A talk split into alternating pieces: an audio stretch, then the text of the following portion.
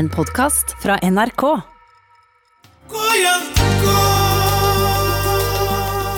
Afrika.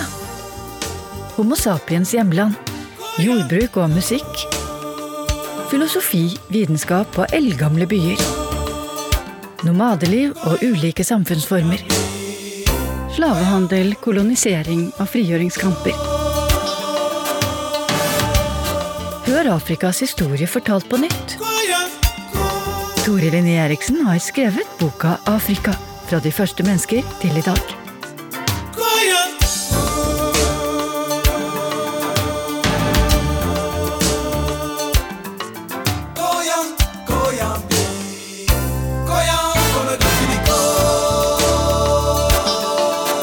Slaveri er den mest ekstreme formen for dominans og ufrihet, og handler om kontroll over alle sider ved menneskers liv.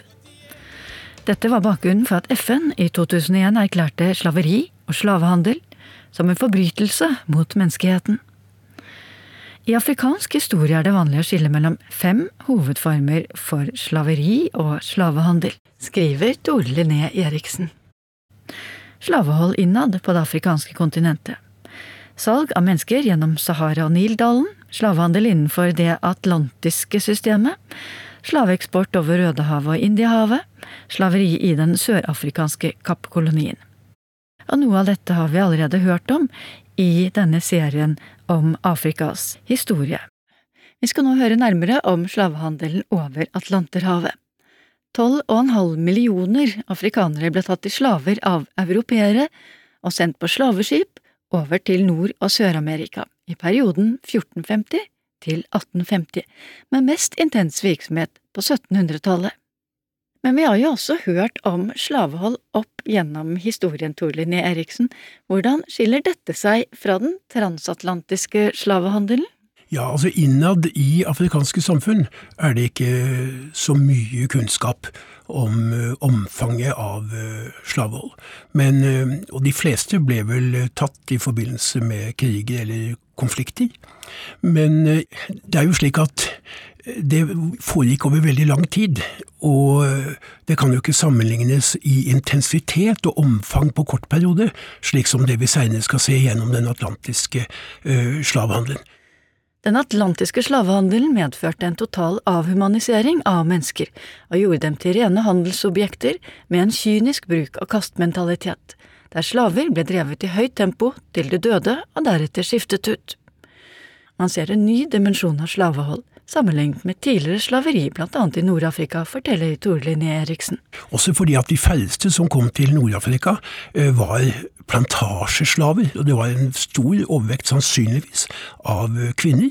Og det var i hushold, det var i harem, og noen menn i, i militære styrkene, men det var ikke mange konsentrert på ett sted med høy dødelighet. Portugiserne var tidlig ute og tok slaver som de brukte som betalingsmiddel for å skaffe seg gull i Nord- og Vest-Afrika, før den transatlantiske slavehandelen kom i gang.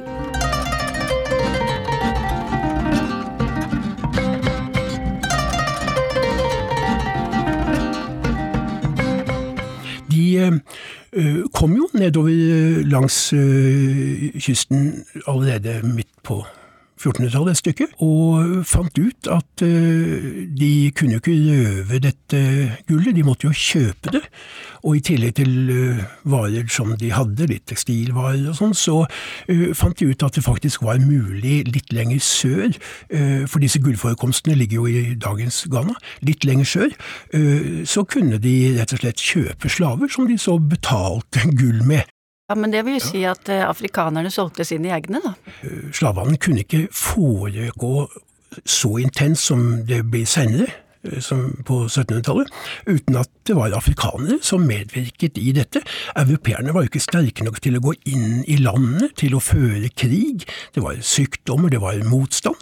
Nå er det jo omtrent på samme måte som man stiller spørsmålet øh, hvordan kunne europeere føre krig mot hverandre?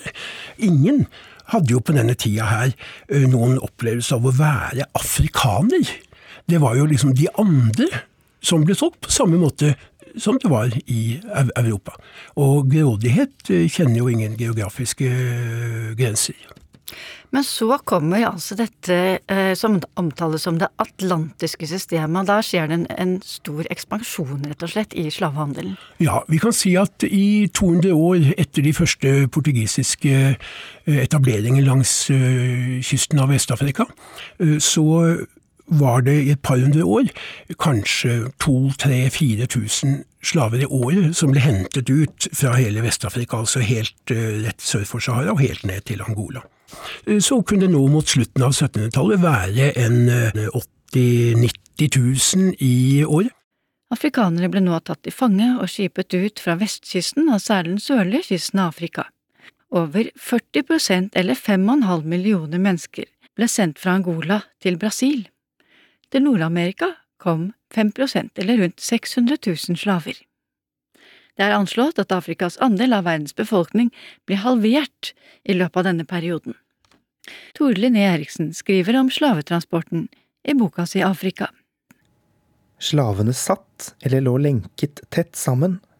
Kostholdet var elendig, og de hygieniske forholdene nesten ubeskrivelige. Risikoen var også høy for piskestraff eller voldtekter om bord, og ikke så få begikk selvmord. Dersom turen varte lenger enn beregnet, f.eks. pga. ekstreme vindforhold, hendte det at slaver ble kastet over rekka for å spare forsyninger eller gi eierne forsikringspenger. Dødeligheten var også høy rett etter ankomst. Mange døde også under slaveopprør, som det er registrert over 500 av i havnebyene eller under overfarten.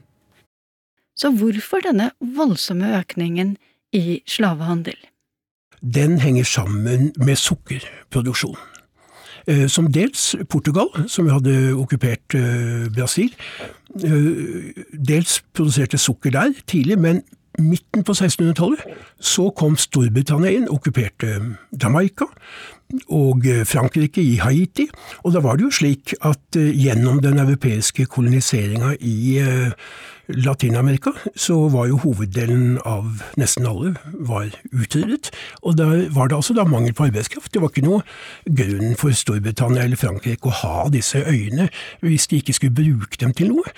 Og etter hvert så ønsket de jo å produsere sukker. Det visste man fra før, at sukker hadde vært dyrket på noen øyer i, Atlanterhavet, altså Kanariøyene, eh, Madeira, så man kjente jo til sukkerproduksjon. Sukker og slaver skulle komme til å henge nøye sammen. Sukker kom til Europa først på 700-tallet via blant annet berberne i Nord-Afrika. Og forekomsten av sukker var så liten at det ble veid opp i gram og omtalt som det hvite gull. Nå anrettet portugiserne, engelskmennene og franskmennene egne sukkerplantasjer på land de hadde okkupert, henholdsvis i Brasil og i Karibien. Slaver skulle være arbeidskraften. Befolkningen på Afrikas vestkyst ble kjøpt opp i stort monn og lagt i lenker på slaveskipene på den lange reisen over Atlanterhavet. Overfarten kunne ta fra uker til måneder. Det vil aldri bli mulig å måle all lidelse og smerte i denne opprivende perioden i Afrikas historie, skriver Tore Linné Eriksen i boka si Afrika. Millioner av mennesker ble rykket opp fra sine hjemsteder, sin familie og sin kultur. De visste ikke hva det gikk til. Det eneste de visste, var at ingen kom til å vende tilbake. Sometimes I feel like a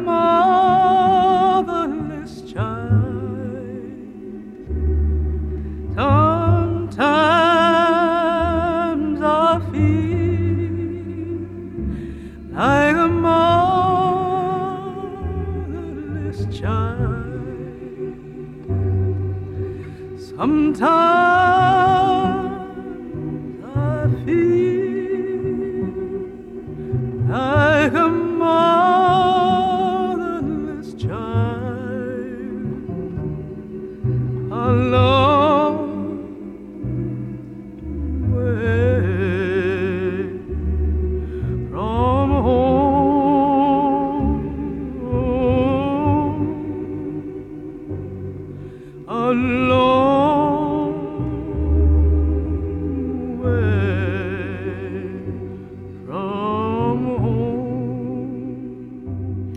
Motherless Child har vært sunget blant slaver helt tilbake til 1870-årene.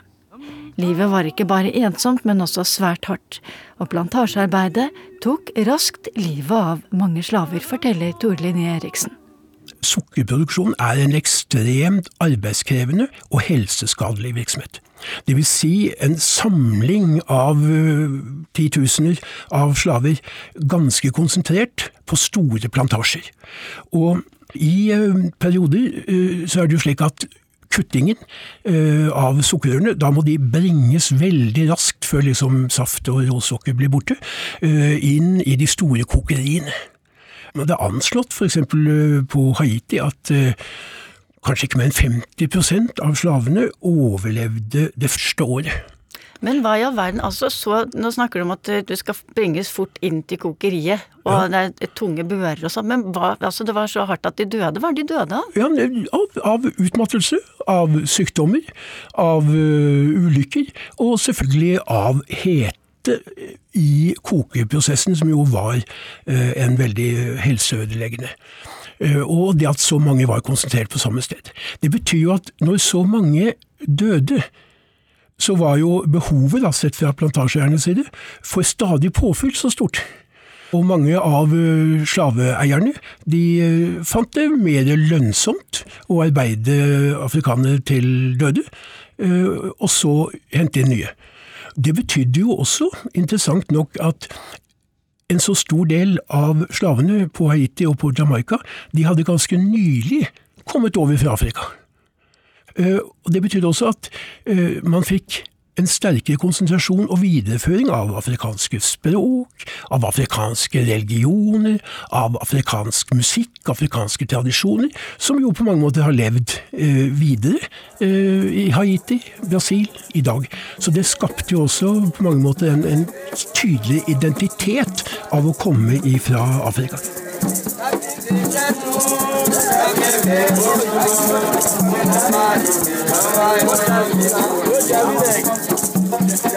Sukkeret her, det er kanskje litt vanskelig i dag å forestille seg at sukker skulle være et av de viktigste produktene i den tidlige verdenshandelen. Uh, sukker hadde jo fram til uh, midten av 1600-tallet vært et luksusprodukt for noen ganske få. Nå begynte eh, en slags forbruksrevolusjon, konsumerisme, eh, etter hvert som gjorde at eh, bredere lag av befolkningen i Frankrike og i Storbritannia etterspurte sukker, raffinert sukker. I Storbritannia kjenner vi jo tradisjonen med Eh, enorme mengder med sukker i te. Om det er sukker i teen eller te i sukker, er ikke så godt å vite. Men det fungerte i de mørke fabrikkhallene, eh, hvor man ikke kunne drikke, hvor det ikke var rent vann. Hvor man ikke kunne drikke melk eller øl når man skulle passe maskinene. Eh, så det er slik at dette ble da også råvarer til en stor industri i vår del av verden, altså raffinering av sukker. Også nordmenn deltok i dette, skal vi høre. Britene sto som sagt for 40 prosent av slavehandelen, likeledes Portugal. Under deres koloniherredømme i Brasil ble det også brukt slaver i jordbruket, etter hvert også i sølv- og gullgruver.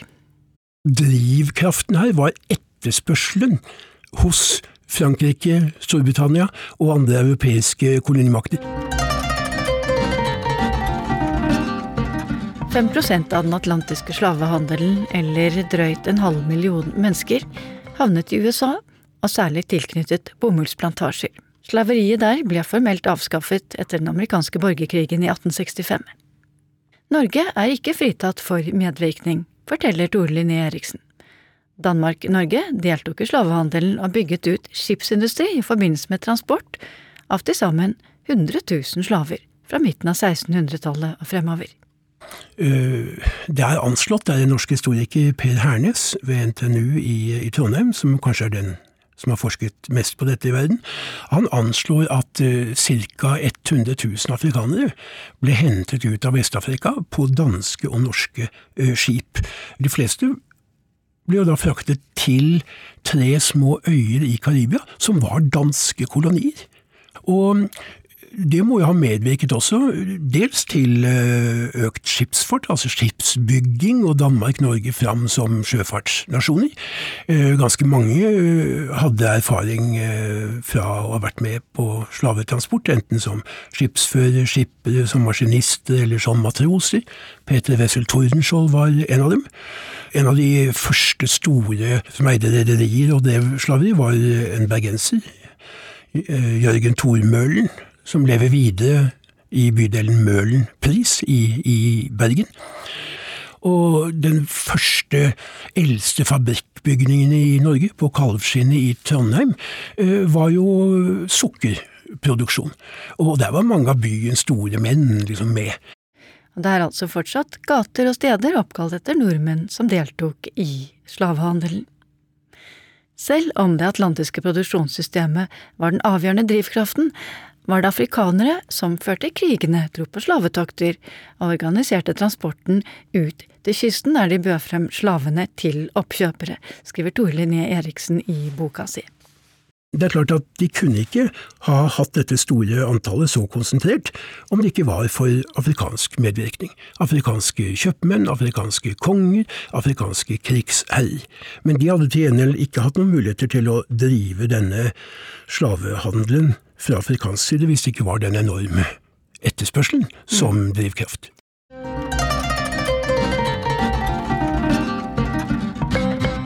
Slavehandelen foregikk ikke bare på vestkysten av Afrika med transport over Atlanterhavet.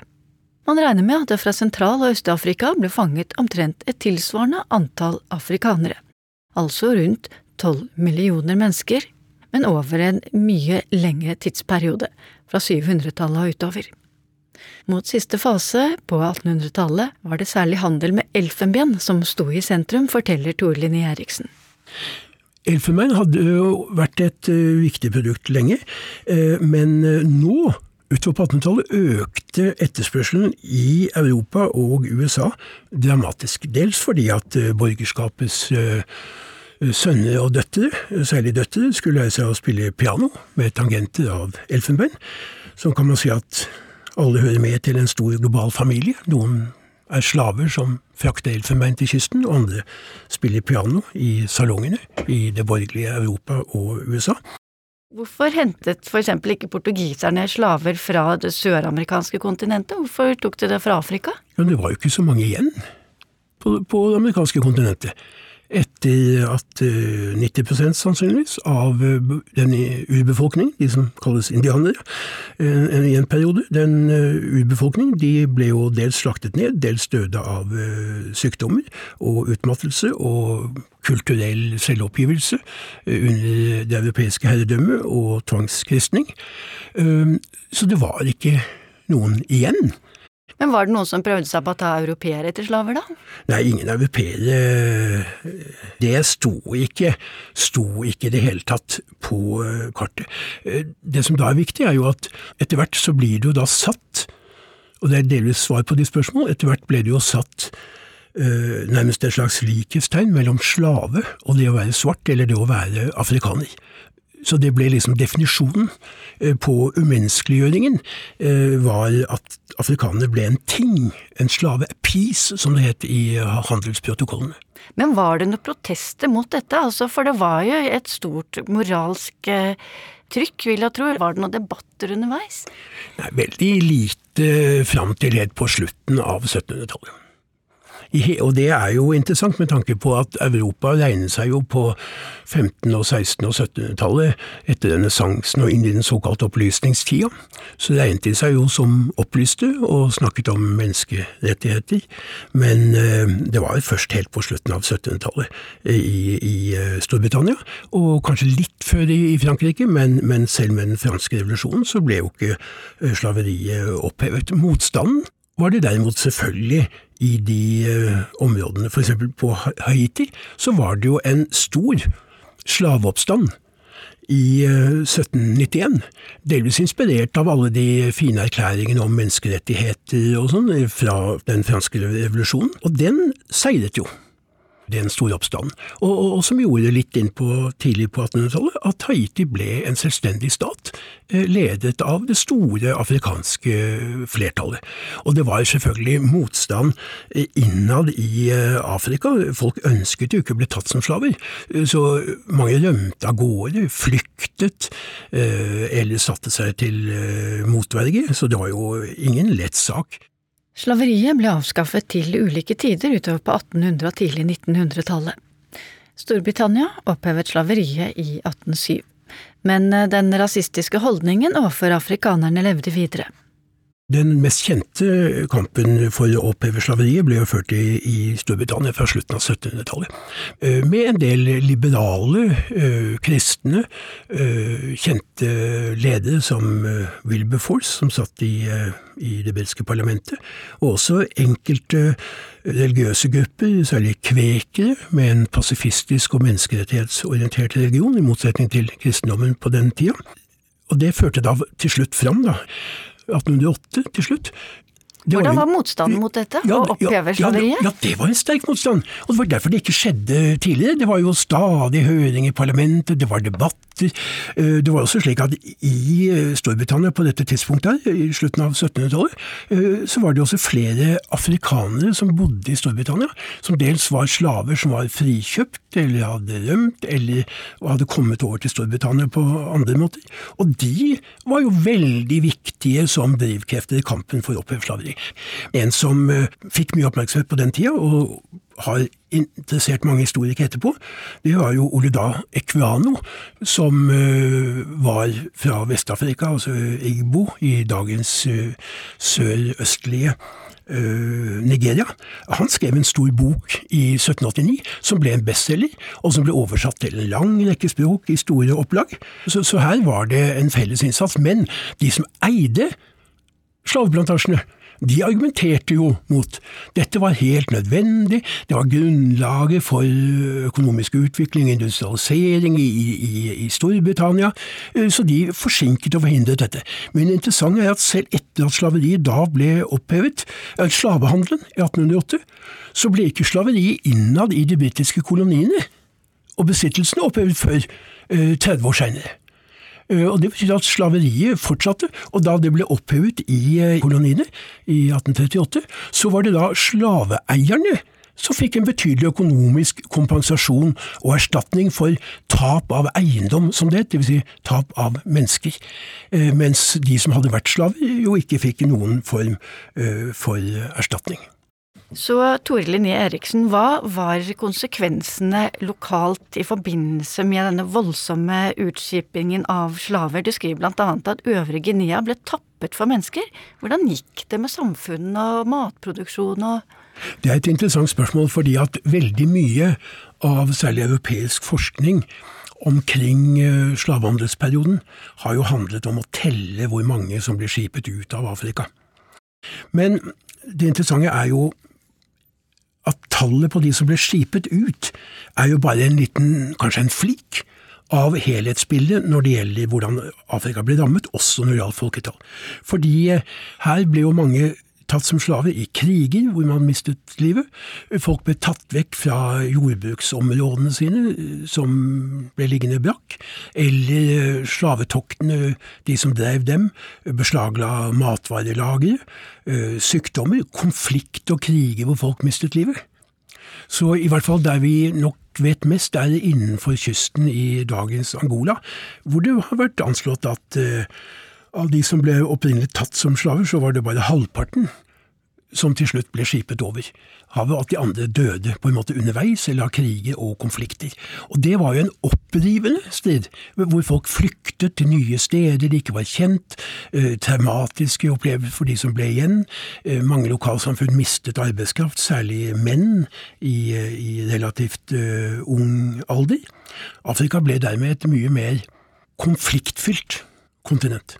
Også fordi at eh, noe av eh, det europeere lokket med for å få kjøpt slaver, det var jo salg av våpen. Og det var jo enorme mengder våpen. Et par hundre tusen geværer fra Birmingham i året på det meste i Vest-Afrika. Og da kunne man jo si at hvis dere ikke leverer slaver til oss i dette samfunnet her, eh, så selger vi til naboområdet. Så her er liksom valget å bli tatt som slaver eller ta som slaver. Eh, det er jo ikke det vi kaller et eh, fritt valg. Eh, det ble større konflikter og større ulikhet innad i afrikanske samfunn mellom de som, afrikanere som tjente på slavehandelen og samarbeidet med europeere, og de andre. Så det ble mer kriger, mer konflikter, større ødeleggelser, svekket produksjon. Og den handelen som hadde vært i et par hundre år etter 1450. Det hadde vært en mer allsidig handel, hvor Afrika eksporterte elfenbein, det eksporterte en lokal peppersort, tekstilprodukter. Og den ble nå slått i stykker, og det ble isteden bare ett produkt som ble eksportert, og det var mennesker. I neste episode forteller Tor Linné Eriksen om kolonitida i Afrika. Jeg heter Karen Frivik, og her hører vi nylig avdøde Morikante fra Guinea på Vest-Afrikakysten og sin Yali Mosa. I'm